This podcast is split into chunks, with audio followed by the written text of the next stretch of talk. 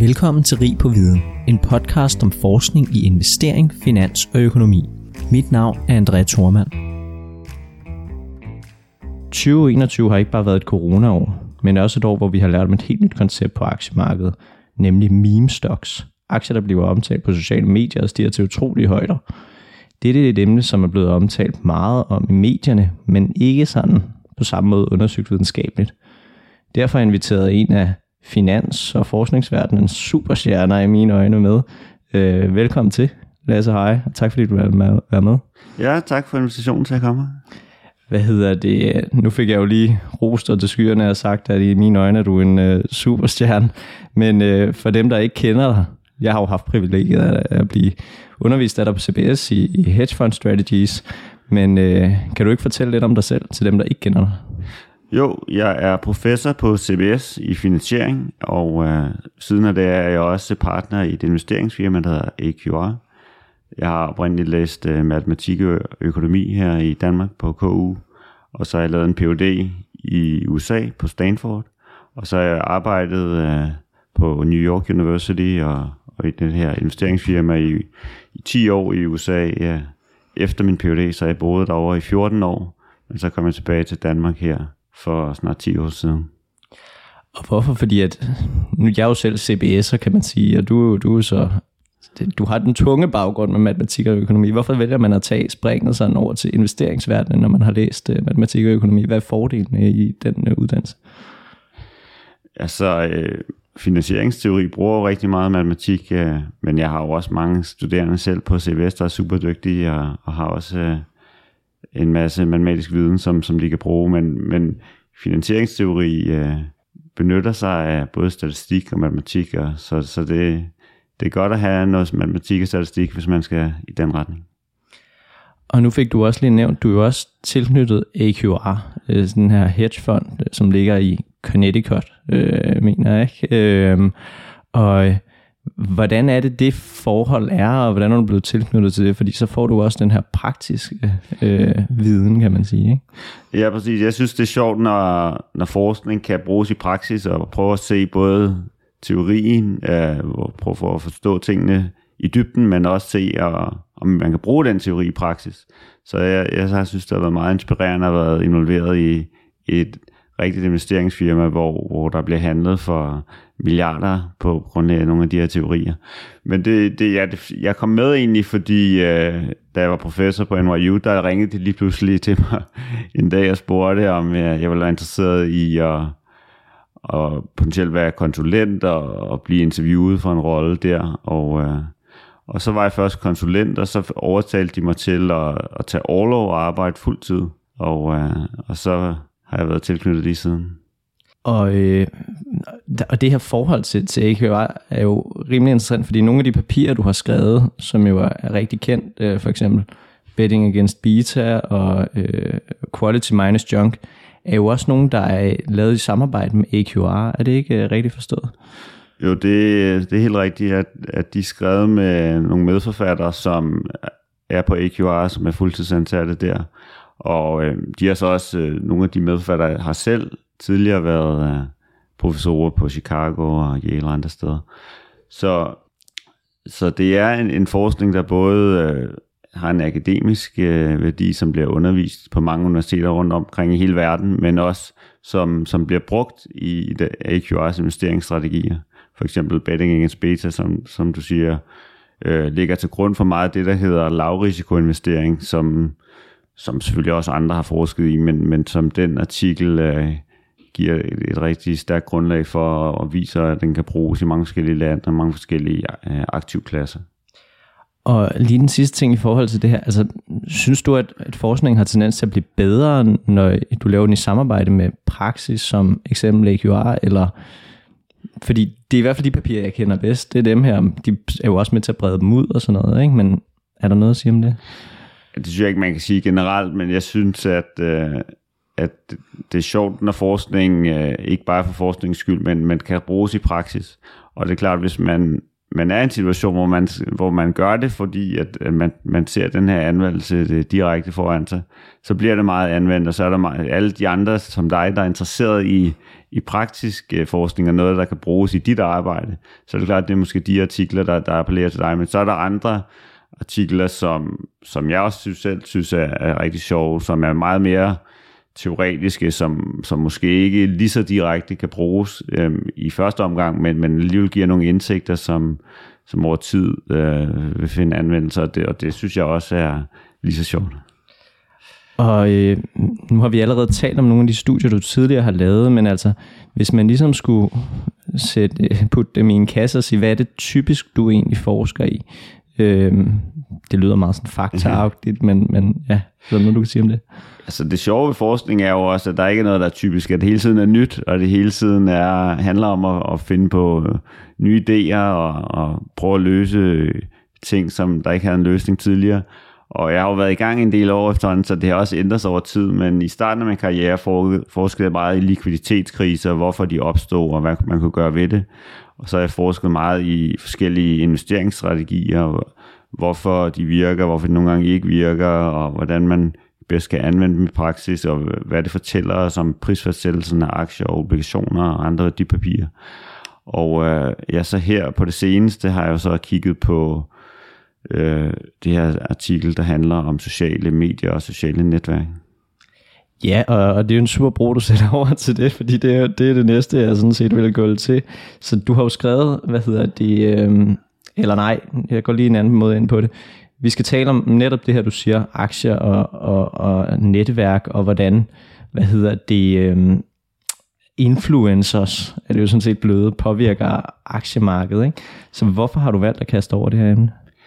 Jamen, øh, det er et godt spørgsmål. Det startede jo uh, her i januar, hvor der blev meget medieoptalt, at den aktie, som hedder GameStop, som er jo uh, en, en kæde af butikker, som også ligger i Danmark. Ja, min søn har selv købt computerspil i, i GameStop. Ja, og så det er nogle, uh, en kæde af, af butikker, hvor man kan købe computerspil, som ligger i hele verden. Og uh, det er et firma, som har en aktie, og den aktiepris begynder at stige meget kraftigt, fordi uh, primært nogle individuelle investorer, som snakkede med hinanden over sociale medier, blandt andet Reddit, øh, var begyndt at opkøbe en masse af de her aktier. Og, øh, og det blev meget omtalt i medierne. Og øh, at samtidig så var der nogle mere professionelle investorer, nogle hedgefonde, som havde taget den modsatte position, som havde shortet aktien, altså spekuleret i, at den ville falde i værdi. Og de, øh, særligt en af de her hedgefonde havde en meget, meget stor position, og da aktien så begyndte at stige, så hvis man har spekuleret i, at den vil falde, så taber man jo penge. Og, og så, så de her hedgefonde begyndte at tage penge, rigtig mange penge. Og derudover så skete der også det, at aktieprisen begyndte at svinge utrolig meget. Altså gå meget op og ned. Ikke bare fra dag til dag, men også inden for, for dagene. Og der, der blev handlet helt ekstremt meget i, i aktien. Så risikoen steg, og, og derudover så steg aktieprisen, og så var der så den her særlig, den her ene store hedgefond, den valgte så at, at lukke sin position. Og når man lukker en kort position, så kører man faktisk aktien tilbage. Det vil sige, at deres egen valg af at lukke positionen og købe aktien tilbage, den var med til at skubbe prisen yderligere op, som så profiterede de her øh, småinvestorer, der, der havde lavet hele det her trick. Og da det skete, så begyndte øh, Paul Krugman, som er en, en Nobelpristager i økonomi, øh, faktisk at tweete, at øh, en af mine andre gamle artikler øh, kunne forklare, hvad der skete i det her tilfælde. Så øh, Paul Krugman, han er jo øh, som sagt Nobelpristager, men han er også øh, relativt venstreorienteret økonom, som holder meget med, med den lille mand eller lille kvinde. Og øh, det sjove var, at i det her tilfælde, så sagde han, at, at dem, der var predator, så artiklen hedder Predatory Trading, som man kan oversætte med noget i, øh, i stil med rovdyrsinvestering, altså en investeringsform, hvor man udnytter andres øh, problemer, kan man sige. Og øh, han sagde, at i det her tilfælde var det faktisk de små investorer, der var predators, altså rovdyrene, og hedgefondene var offrene. Og øh, at, at de, øh, i bund og grund fik, fik markedet ud af balance ved at gøre de her ting, fordi at GameStop-aktien ikke var så meget værd, som, som den blev presset op i der. Og øhm, efter hans øh, tweets og andre ting, så blev jeg inviteret til at, at holde et foredrag på et webinar på Princeton øh, Universitet, som min medforfatter Markus Brunnermeier arrangerede, hvor jeg skulle snakke om GameStop, og øh, i konteksten af min gamle artikel der. Og så fandt jeg så en masse data på, hvordan bliver der handlet i den her aktie, hvor meget, hvor meget bliver der shortet, hvor mange af de short positioner er blevet lukket, hvad er volatiliteten, osv. osv. Og øh, så det var sådan mere empirisk øh, analyse af, hvad skete der i helt konkret det her tilfælde. Og, øh, og jeg kunne se, at, at der var jo noget om snakken, at, at der var nogle meget store korte positioner, at der, på det tidspunkt var der blevet shortet næsten øh, alle aktierne, og det kan godt lade sig gøre, så var det som om, at, at antallet af aktier, der blev handlet, var på en måde dobbelt så stort som antallet af udstående aktier. Så der var meget store øh, korte positioner, der så i hovedparten af dem bliver så lukket der, hvor aktieprisen er allerhøjst. Så det lignede meget øh, nogle af de fænomener, der var i, i det predatory trading. Men der var, synes jeg, et super interessant aspekt, som vi ikke havde snakket om i den gamle artikel, nemlig hele det her med de sociale medier, de sociale netværk. Det var et nyt, og jeg synes, rigtig, rigtig, rigtig interessant og, og vigtigt aspekt, at, at, at det, at folk snakker sammen på den her måde, det påvirker deres forventninger til aktien og også deres handler. Og så begyndte jeg faktisk at arbejde på en ny artikel, der, der handlede primært om om det her med, hvordan forventningerne dannes i et, i et socialt netværk. Og jeg blev faktisk så uh, grebet af det her, at, at uh, jeg skrev den her uh, nye artikel på omkring to uger og puttede den på nettet i, i slutningen af februar. Og så jeg tror, det er en af de hurtigste artikler, jeg nogensinde har skrevet, uh, fordi nogle gange så, så er man bare i det her flow, hvor det hele virker. Det er ligesom, når en kunstner skal skrive en god sang, så ja. kommer den lige med det samme. Ikke? Øh, Okay, hvad hedder det? Øhm, jeg havde faktisk en række spørgsmål til det her, men du blev jo sådan set lidt trukket ind i det så. Altså i og med, at der var en, der kom og sagde, du har skrevet det her, det kan forklare det her emne, som vi alle sammen taler om øh, lige nu. Og den var en, ikke, øh, kan man sige. Øh, to spørgsmål. Først og fremmest øh, er faktisk selv lidt svært at forstå det. Vi har jo hørt meget om det her med, at en, en aktie kan være shortet øh, flere hundrede procent øh, af værdien af aktien. Kan du egentlig forklare, hvordan hænger det sammen? Ja, altså det, det er det, der er forvirrende for mange, og altså en måde at tænke på det, det er, hvordan shorter man, kan vi starte med. Øhm, en aktie, det er jo en masse værdipapirer, og de værdipapirer er jo i vores dag elektroniske, men der er mange, der bedre kan forstå shorting, hvis vi forestiller os, at et værdipapir er, helt fysisk. Så bliver det på en eller anden måde mere øh, forståeligt for, for de fleste. Så man kan også tænke på det som, lad os sige, at, hvordan vil man shorte hvis man så en t-shirt, altså det kunne man i princippet, og så lad os tale om, hvordan man gør det. Hvordan, vil spekulere, hvordan spekulerer man i, at værdien falder? Det man gør, det er, man, der er jo nogen, der ejer alle de her værdipapirer. Så lad os sige, at, at uh, du er, har, ejer uh, en, en GameStop-aktie, og så du har altså det her værdipapir i din hånd lige nu så spørger kan jeg ikke lige låne dit værdipapir? Jeg lover, du får det tilbage i morgen eller en anden dag, og øh, det er jo ligegyldigt for dig, hvem der holder i dit værdipapir. Så jeg, jeg låner det, og så, selvom jeg har lånt det af dig, så går jeg så ud og sælger det. Og lad os sige, at jeg kan sælge det for 100 kroner. Så håber jeg så, at prisen falder til, lad os sige, 50, og så kan jeg i morgen købe det tilbage til 50, og så aflevere det tilbage til dig. Øhm, og det var det samme, hvis, hvis øh, der var en eller anden bestemt t-shirt, som var blevet super populær, eller et bestemt øh, øh, nogle, nogle sko, der var super populære. Hvis, hvis du ejede en, den her super populære t-shirt, som lige pludselig kostede 10.000 kroner, så sagde jeg, jeg kunne sige til dig, må jeg låne din t-shirt? Øh, du har, du har alligevel ikke tænkt dig at have den på her de næste par dage. Jeg sælger den for 10.000, og så Øh, når jeg skal aflevere den tilbage til dig, så er jeg så nødt til at købe en ny identisk t-shirt, jeg kan aflevere tilbage til dig. Så det er sådan, man, man gør. Så, hvor meget kan man gøre det? Jamen, hvis jeg nu havde lånt den her t-shirt af dig, og, og så solgt den til en af dine venner, for eksempel, for 10.000, så kunne jeg så låne den af ham, og sælge den til øh, en tredje person. Og så kunne jeg låne den af den tredje person, og sælge den til den fjerde person. Og så kan jeg låne den fjerde person. Så jeg kan egentlig blive ved at gøre det her så længe jeg kan blive ved at låne aktien eller låne t-shirten i det her tilfælde. Men lad os da sige, at lige pludselig så øh, vil jeg sige, nu vil jeg ikke gøre det her mere. Nu vil jeg simpelthen bare aflevere alle de her t-shirts tilbage. Hvis jeg så har gjort det fem gange, så øh, det kan være, at hvis der kun findes tre af, af de her t-shirts i verden, så skylder jeg nu fem forskellige personer den her t-shirt, men der er kun tre af dem i verden. Så skal jeg altså ud, og først skal jeg købe en tilbage, aflevere den til dig for eksempel. Så er jeg nødt til så at købe den af dig, så jeg kan aflevere den til din ven også, og så videre, og så videre. Og hvis så kan du lige pludselig sætte en meget, meget høj pris, øh, hvis jeg skal ud og aflevere den tilbage mange gange. Og, og det var sådan set lidt det, der skete i GameStop.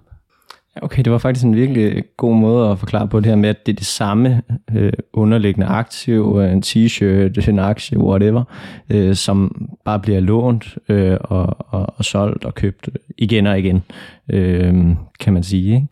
Ikke? Øh, og så den, den anden ting, det er, det her det er jo et emne, som er meget, det har været et meget et medieemne. Altså, det har været meget forsiden af børsen-agtigt emne. Ikke? Øh, så når man går ind i sådan noget her, fordi jeg, jeg tror mange har haft det, okay, det er, et, det er sådan et øh, øh, ekstraordinært fænomen. Det er måske ikke noget, der er generelt er i markedet, men da du gik ind til det, tænkte du så, okay, vi har noget helt nyt her, som kommer til at være fremadrettet i markedet, øh, og derfor bliver vi nødt til at undersøge det, eller at det ligesom bare sådan en one-off ting, som vi gerne vil forstå, men nok ikke kommer til at ske igen. Ja, det er et rigtig godt spørgsmål. Det som... Øh man kan sige, det er sådan predatory trading, eller i det her sammenhæng, man kan også kalde det en short squeeze, som, altså det er, når, de her korte positioner virkelig bliver presset. Det er noget, man også har set før, og øh, det er noget, der typisk er øh, relativt kortsigtet, så, så når markedet ligesom stabiliserer sig selv, så kommer prisen tilbage til et mere fundamentalt niveau, og så, så er den episode slut.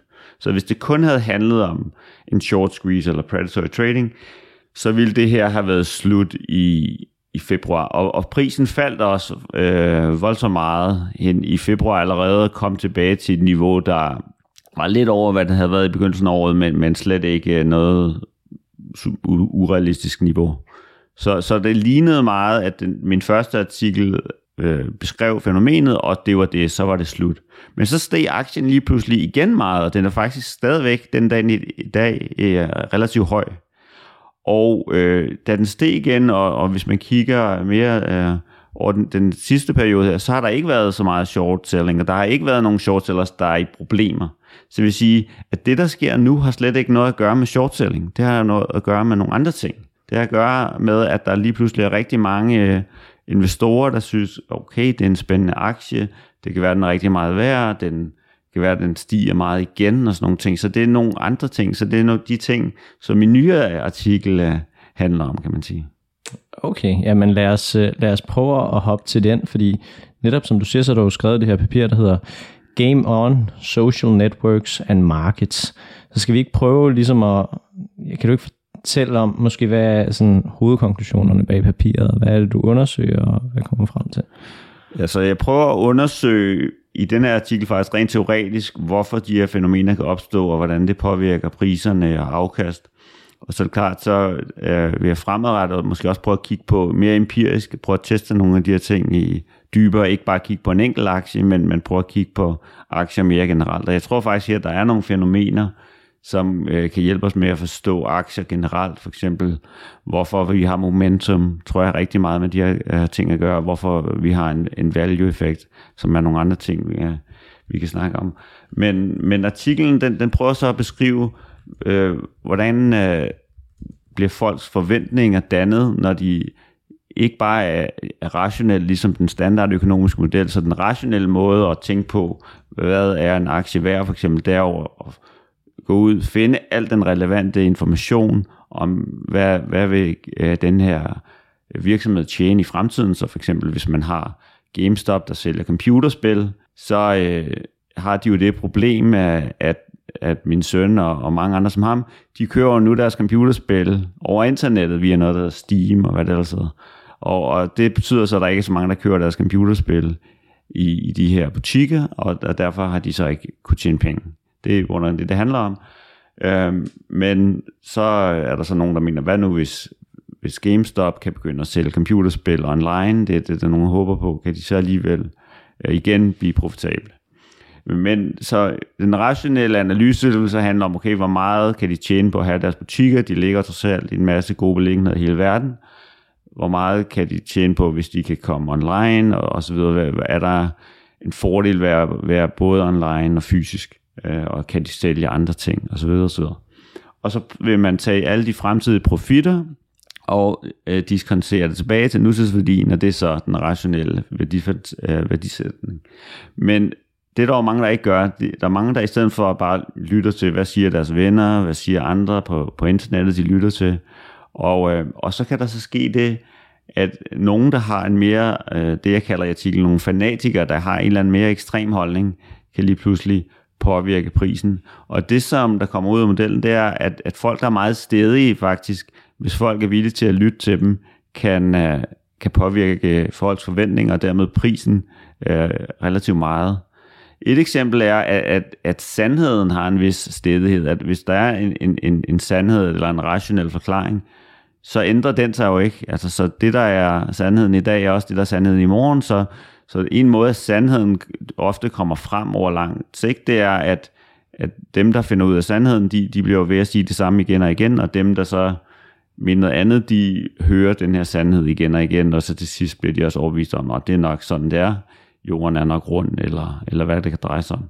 Men, øh, men det, som er overraskende, det er, at hvis der er nogen, der bliver ved at gentage noget, der ikke er sandt, og, og hvis folk er villige til at lytte til det, så kan det også påvirke en masse meninger. Et eksempel kan være for eksempel, at Donald Trump han siger, der var flere øh, tilskuere til hans indsættelse end til Obamas indsættelse, selvom der er fotos, der viser, at der var langt flere til Obamas indsættelse. Hvis han bare bliver ved at gentage, jamen der var flere til hans, og andre lytter og gentager det, og der opstår sådan et ekokammer, hvor folk bare gentager hans påstand, og ja, så kan det også overbevise en masse mennesker, eller hvis han siger, at valget var stjålet, så, så kan man jo se, en, en stor del af den amerikanske befolkning mener, at valget var stjålet, selvom der ikke er noget evidens for det.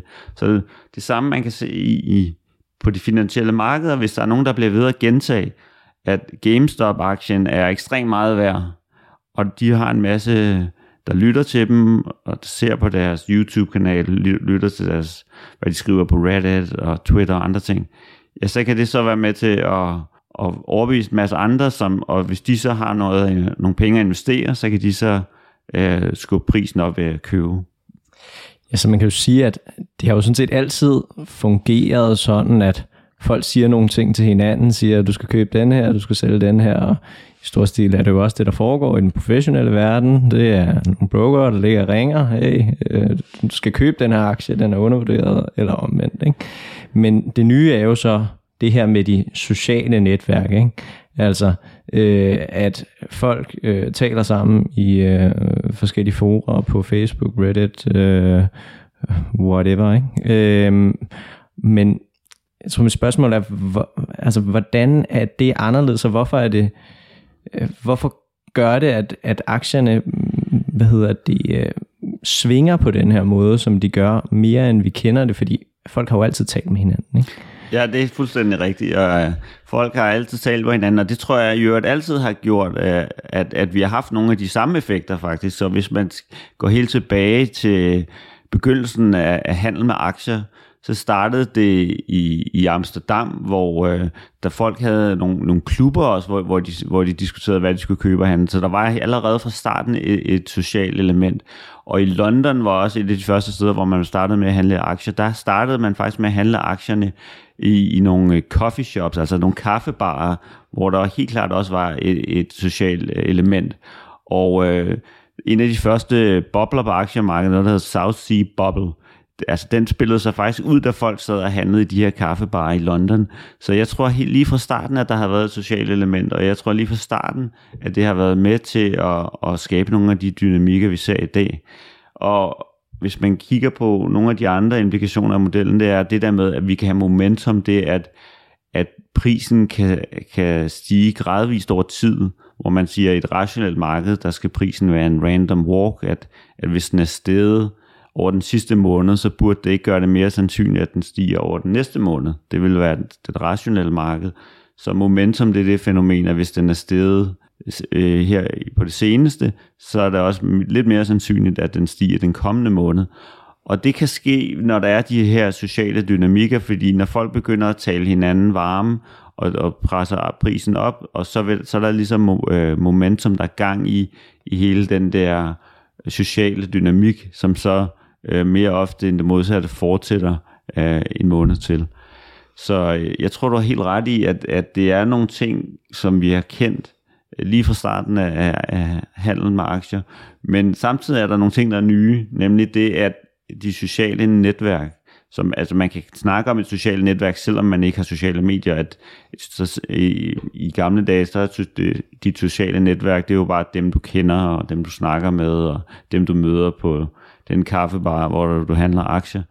Men hvis man kigger i dag, så er de sociale netværk jo også de, via de sociale medier, så det er måske nogle mennesker, du aldrig har mødt i virkeligheden, men du læser uh, på Wall Street Bets, på Reddit eller på andre sociale medier. Så på den måde, så, så er der både det fænomen, at de sociale netværk potentielt bliver større og bliver hurtigere udbredt, men også at uh, fra en forskers synspunkt, at de bliver mere veldokumenteret. Fordi hvis du snakker med dine venner, så, så kan jeg ikke som forsker jo se, hvad der sker. Men, men når folk snakker med hinanden over de sociale medier, så kan man i princippet øh, få fat i det data og, og prøve at analysere, om det hænger sammen med, hvordan folk handler og hvordan priserne udvikler sig. Og lige for at hænge i det her med de sociale medier, fordi at, altså, det oplagte spørgsmål er jo, hvad er så anderledes, når det sker på sociale medier, sådan matematisk kan man så gange en effekt med 10 eller whatever, fordi at det er jo mange flere mennesker, der ser tingene, end det ellers ville være. Ja, præcis. Så jeg vil ikke sætte tal på her, men, uh, men du har ret i, at, at uh, hvis folk uh, kigger på, på mange andres uh, holdninger og opdaterer på den måde, så, ja, så kan tingene udbrede sig meget hurtigere, og, uh, og på en anden måde potentielt set. I, i modellen, der er simpelthen uh, en, en matrix, der fanger, hvordan folk lytter til hinanden, og, og den vil så ændre sig, uh, når vi har de her sociale medier. Og det er jo super interessant, hvordan, altså uden at vi skal blive alt for tekniske, hvordan fungerer sådan en matrix? Hvad, hvad er lytter til hinanden baseret på? Er det antal af tweets eller whatever? Ja, det kan man sige. Det er, i, i, i en, en model, hvor alle er rationelle, der skulle man jo i princippet lytte til al den information, man kan finde i verden. Men i virkeligheden, der lytter folk jo kun til en delmængde, lad os sige deres venner, eller, eller dem, de følger. Så, øh, så man kan sige, alle dem, man følger, de har et eller andet element i den matrix, som ikke er 0, fordi det betyder, at man lytter til dem. Men, men alle dem, man ikke følger, som jo er langt de fleste mennesker i verden, de vil så have et 0, at det vil sige, at man, man ikke, det er en information, man ikke får. Og så vil man så kunne sige, okay, det, dem man følger, det, det er så dem, der, der har en, en, positiv værdi, og det er dem, hvis holdning man, man så kommer lidt tættere på over tid.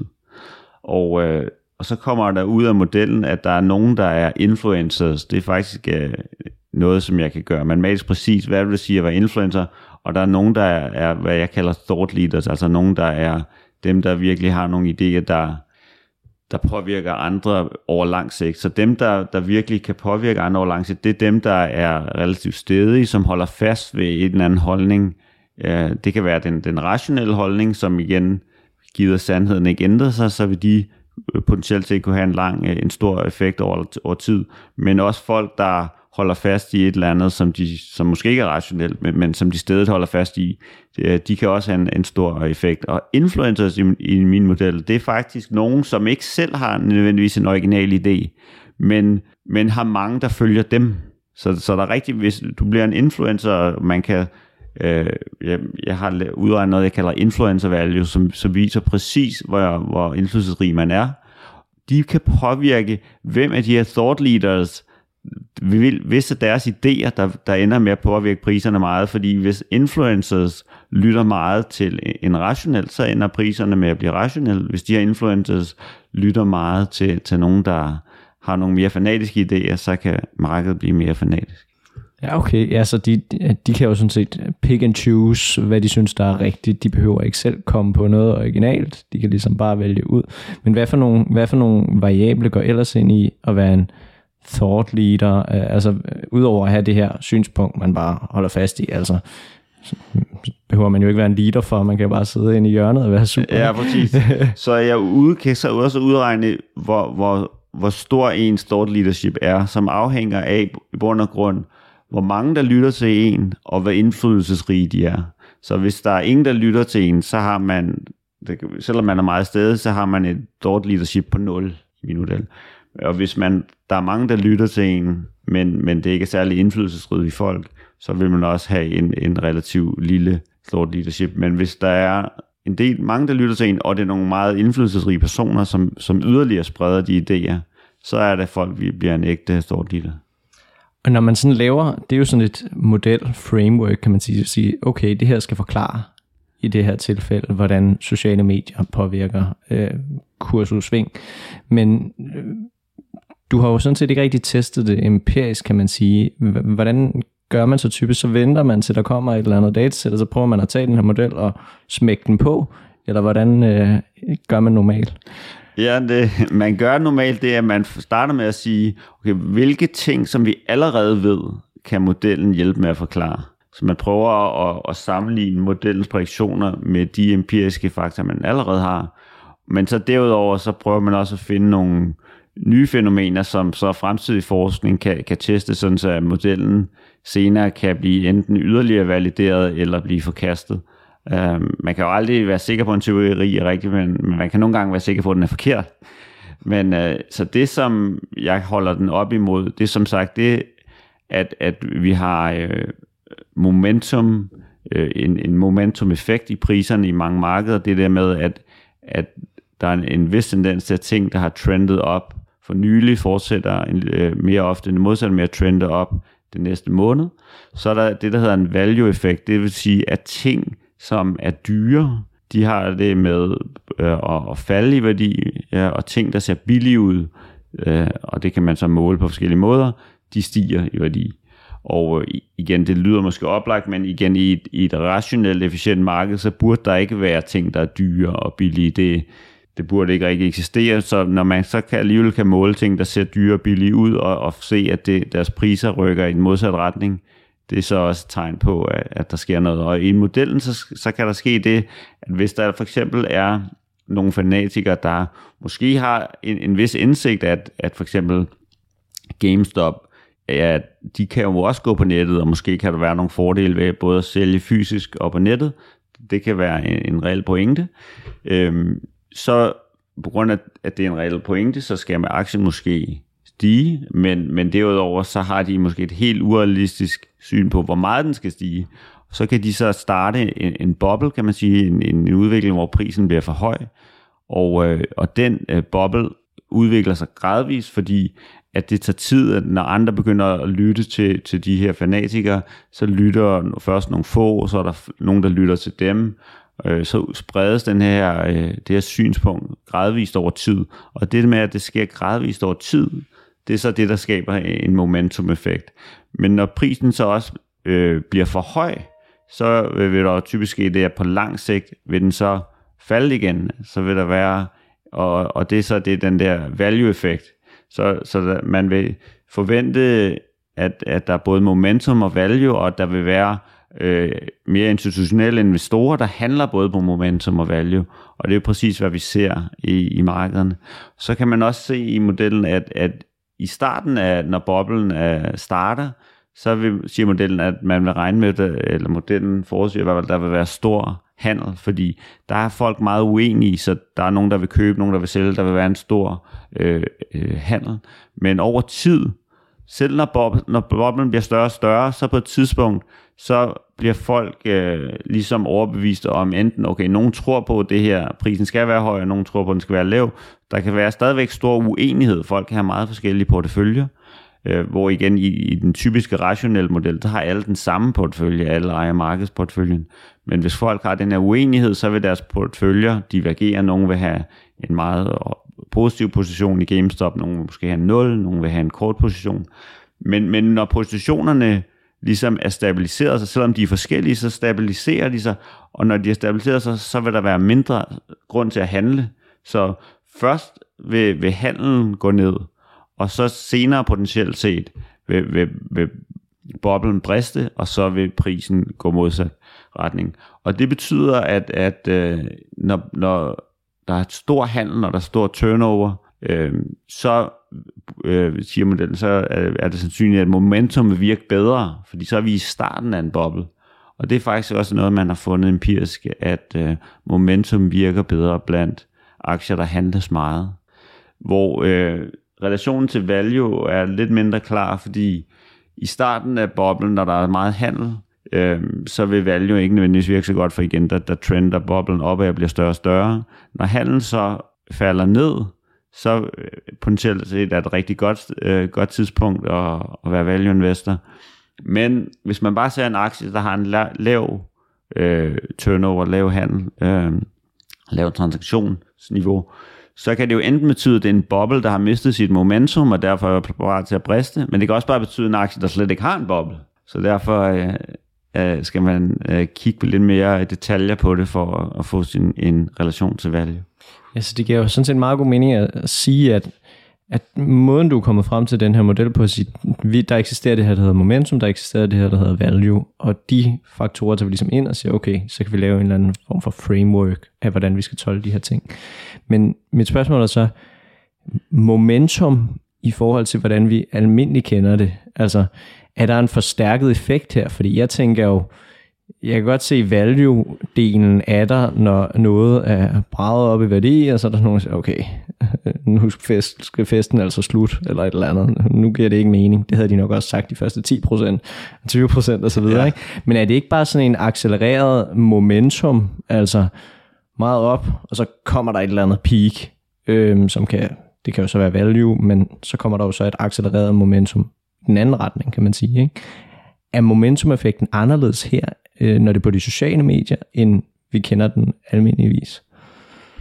Ja, det må vi jo prøve at analysere nærmere, når, vi, når jeg har, altså det er jo interessant virkelig at kigge på data, hvor man kigger på priserne, man kigger på momentum value, man kigger på, hvor meget der bliver handlet, men man også kigger på data for, fra de sociale medier, og prøve at se, om, om, om tingene hænger sammen, som de gør i min model, men også om, om det, at de sociale medier, som jo er kommet over de sidste øh, par årtier, om det har ændret et eller andet mere fundamentalt kontra, hvordan aktier blev handlet tidligere.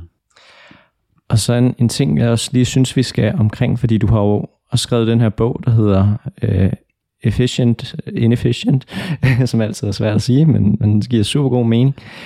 Hvad tænker du, at alt det her med sociale medier gør ved markedsefficiens?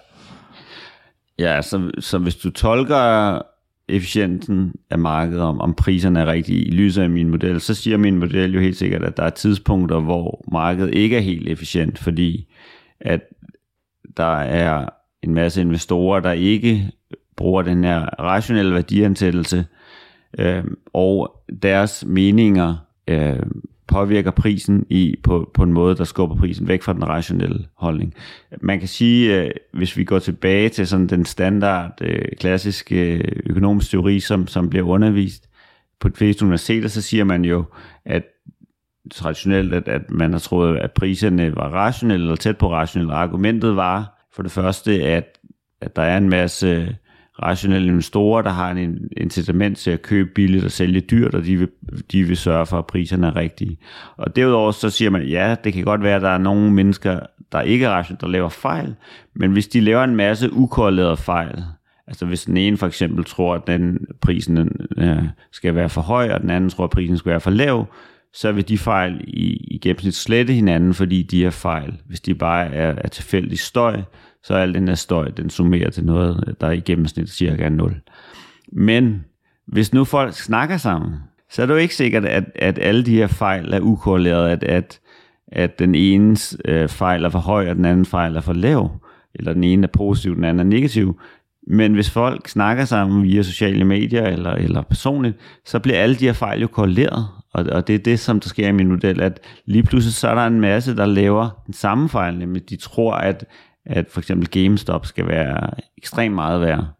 Øhm, og det er det der med, at fejlene øh, bliver korreleret, og de udvikler sig på en måde, som i nogen grad måske er forudsigelig, men, men stadigvæk har også nogle uforudsigelige elementer, øh, der gør, at priserne kan, kan afvige fra det rationelle og blive inefficiente. Ja, og, det, og den går også lidt to veje, kan man sige. Ikke? Altså fordi, at Normalvis men vil, vil man jo tænke alt andet lige, når der kommer flere aktører på markedet, bliver markedet mere efficient. Ikke? Og nogle af de her aktører tænker man som nye, fordi det er øh, virkelig til høj grad private investorer. Men alligevel så bliver det mindre efficient, fordi det er en fejl, som bliver korreleret og gentaget helt vildt mange gange. Så som jeg tolker det, så lyder det som om, at selvom der kommer flere aktører, så virker det faktisk som om, at det går imod et mindre efficient marked, når folk handler på den her måde. Ja, det er rigtigt, at, at, øh, at flere aktører, det er ikke nødvendigvis øh, med til at gøre markedet mere efficient. Det kommer an på, hvad for nogle aktører er det, og hvordan handler de. Og det er interessant, man kan se, at det var jo sådan, hvis vi går tilbage øh, 50-100 år siden, så var det jo meget de individuelle investorer, der dominerede markederne. Og så skete der gradvist det siden, lad os sige, 70'erne og 80'erne, at institutionelle investorer øh, overtog mere og mere, i høj grad også i, i løbet af 90'erne, hvor de store pensionsformuer blev bygget op, hvor forsikringsselskaber blev vigtige, øh, og, og mange andre forskellige kapitalforvaltere, og mange af de individuelle investorer, i stedet for at købe og sælge aktier selv, så dels så havde de deres pensionsopsparinger, dels så puttede de deres penge i investeringsforeninger, så man så i høj grad, at markedet blev mere og mere domineret af investeringsforeninger eller pensionskasser eller de kapitalforvaltere, der, der forvalter pensionskassernes penge.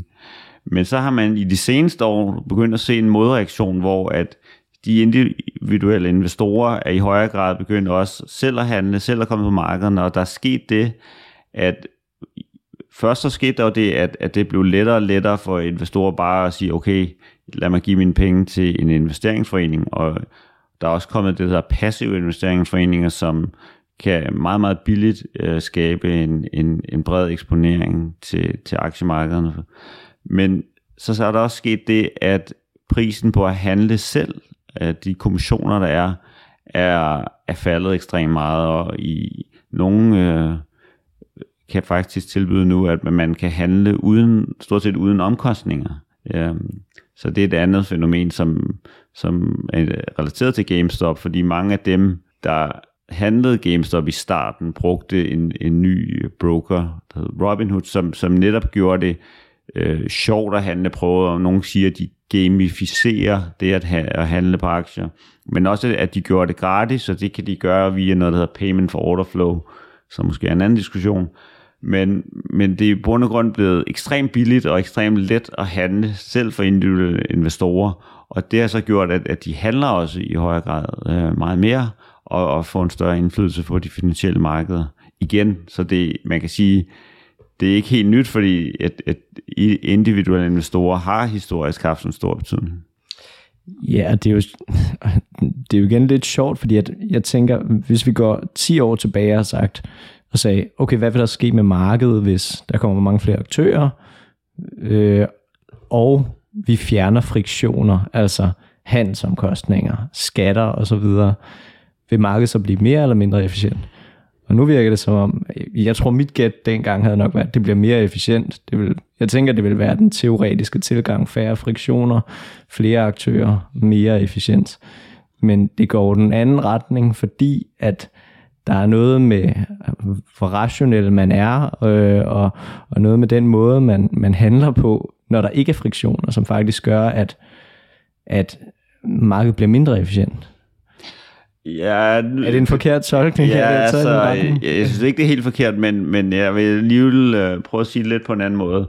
Altså, for det første, det er rigtigt, der er kommet færre friktioner, og der er færre transaktionsomkostninger, og det har så gjort markederne mere likvide, og uh, man kan sige, hvis man kigger på, at markedet i det store hele blevet mere eller mindre efficient, så det er jo rigtig svært at måle, men altså, jeg, jeg tror, at de studier, der har prøvet finder en svag tendens til, at markederne er blevet en lille smule mere efficiente over tid. Så det er sådan set konsistent med, med hvad du ville have forventet, og, og, og det der med, at friktionerne går ned og så videre. Men så er der så er det før det, eller efter GameStop? Ja, det, de, de her studier er før GameStop, det har du ret i. Øh, men så er der så det andet, hvis, hvis du havde sagt for 10 år siden, hvad nu hvis markederne bliver i højere grad domineret af individuelle investorer, så tror jeg også, de fleste ville have sagt dengang, at okay, individuelle investorer i gennemsnit øh, er mindre sofistikerede end de store kapitalforvaltere, og historisk er set som nogle af dem, der øh, laver visse fejl, der, der kan påvirke priserne væk fra de efficiente marked. Når det er sagt, så er der også mange kapitalforvaltere, der ikke er 100% rationelle. Vi er alle sammen mennesker, men, øh, men det der med, at individuelle investorer kan med gøre markederne mindre efficiente, det, det tror jeg ikke er helt overraskende. Okay. Jeg vil også lige øh, forbi en anden ting, som jeg synes jeg er lidt sjovt at læse i et, et akademisk papir, du skriver over om, altså det, det er ikke så tit, man støder på øh, begreber som rocket and YOLO trades og frenzy, uh, meme trading frenzy og så videre. Altså, jeg tror, mit spørgsmål vil nok være, hvordan har det været at kigge ind i de her ting, men øh, kan du forklare, hvad det er egentlig? ja, altså det er jo prøvet at kigge på nogle af de sociale medier for at forstå, øh, hvordan øh, folk kommunikerer, og også hvordan det relaterer sig til modellen. Så det var meget sjovt at se for eksempel, at, at i modellen, så det, der, der viser sig at få en betydning, det er, hvor stedige folk er. Og øh, på, de, på de her sociale medier, der, eller for eksempel dem, der handlede GameStop, de har snakket meget om Diamond Hands. Og Diamond Hands, øh, som, som de så viser med sådan et symbol med en diamant og en hånd, det betyder, at man skal holde fast i aktien, man skal købe og i princippet aldrig sælge eller købe og købe mere. Og så det er jo en måde, i bund og grund, det er et meme, der signalerer stedighed, ligesom stedighed er vigtigt i modellen. Uh, og, og som du nævner, så er der også øh, det meme, som er en, en raket, rocket, og, og øh, YOLO trade, som er altså you only live once. Så, så de her prøver det at signalere, at det her det er en aktie, der vil stige rigtig meget, og det er en, en unik mulighed for at købe den. Og igen, det i modellen, der er det relateret til det her fænomen, at, at der er nogen, der har en, en fanatisk, øh, meget ekstrem holdning til, at prisen bliver, bliver meget, meget høj. Så på den måde kan man øh, relatere nogle af de her memes til, øh, hvad der sker i modellen. Og vi er snart ved at løbe tør for tid, men jeg har lige et par spørgsmål til. Først og fremmest, i den her GameStop-case, ved vi noget om, hvad outcome var for de private investorer? Altså, endte med at tjene penge eller tabe penge? Altså, det er jo meget forskelligt. Øh, helt klart, øh, at der er jo nogen, der, der har tjent penge, øh, men der er selvfølgelig også mange, der har tabt dem, der øh, prisen var allerhøjest der i januar. øh, der var jo en masse små investorer, der lige pludselig aldrig havde hørt om, om den aktie før, der lige pludselig begyndte at købe, fordi det var rigtig interessant. Og øh, så klart, dem, der købte på toppen, de har selvfølgelig tabt øh, en del penge. Men øh, men det er jo meget blandet, og igen, jeg har endnu ikke øh, fået fat i alle dataen her, så, så det er også noget, jeg vil kigge øh, videre på, hvis jeg får data. Så der er et upcoming papir på vej, som øh, vi skal holde øje med. Og så vil jeg også lige høre, fordi du er jo tilknyttet øh, AQR også, altså, jeg ved ikke, hvor meget du kan sige om det, men altså, holder I også øje med de her ting, altså øh, som mere strategisk andet end bare fænomener? Ja, altså som du sikkert kan gætte, så kan jeg jo ikke snakke så meget om præcis, øh, hvad, hvad EQR gør i deres handelsstrategi, men det er jo et firma, som handler øh, i høj grad på grundlag af computermodeller, som handler øh, på grundlag af forskning, og som prøver at bruge alle mulige data på at finde øh, investeringsstrategier, og man kan sige, at nogle af strategierne, det handler også om at, at købe ting, der er billigt, og, og sælge ting, der er dyre, så, så value-orienterede strategier. Men der er jo også strategier, der handler om mere, nogle mere korttidige dynamikker i markedet, at, at hvis der er en aktie, som er lidt for dyr, men, men der er en masse, der tyder på, at den vil trende op alligevel, så øh, kan det jo godt øh, være interessant at eje den i en kortere periode. Og, øh, og hvis, i det omfang, at man kunne prøve at, at prædiktere nogle af de her dynamikker, så ville det selvfølgelig også være interessant. Og så den sidste ting, det er, tror du det her er fremtiden? Altså, Tror du, vi skal... Øh, Tror du, at sociale medier kommer til at få mere og mere indflydelse på, på de finansielle markeder, og tror du, det er godt eller dårligt for de finansielle markeder? Ja, altså jeg tror, at de vil få mere og mere indflydelse, det tror jeg helt sikkert, og jeg tror også, at professionelle investorer jo snakker med hinanden. De har også deres eget sociale netværk, og det er både øh, privat, hvor de mødes privat, men, eller det kan være via sociale medier også. Så jeg tror helt klart, at både sociale netværk, som sagt, har, har påvirket priserne lige fra starten af aktiehandlen, men det vil i højere og højere grad foregå også via sociale medier. Hvorvidt det er godt, det kommer an på, hvordan folk bruger den her teknologi.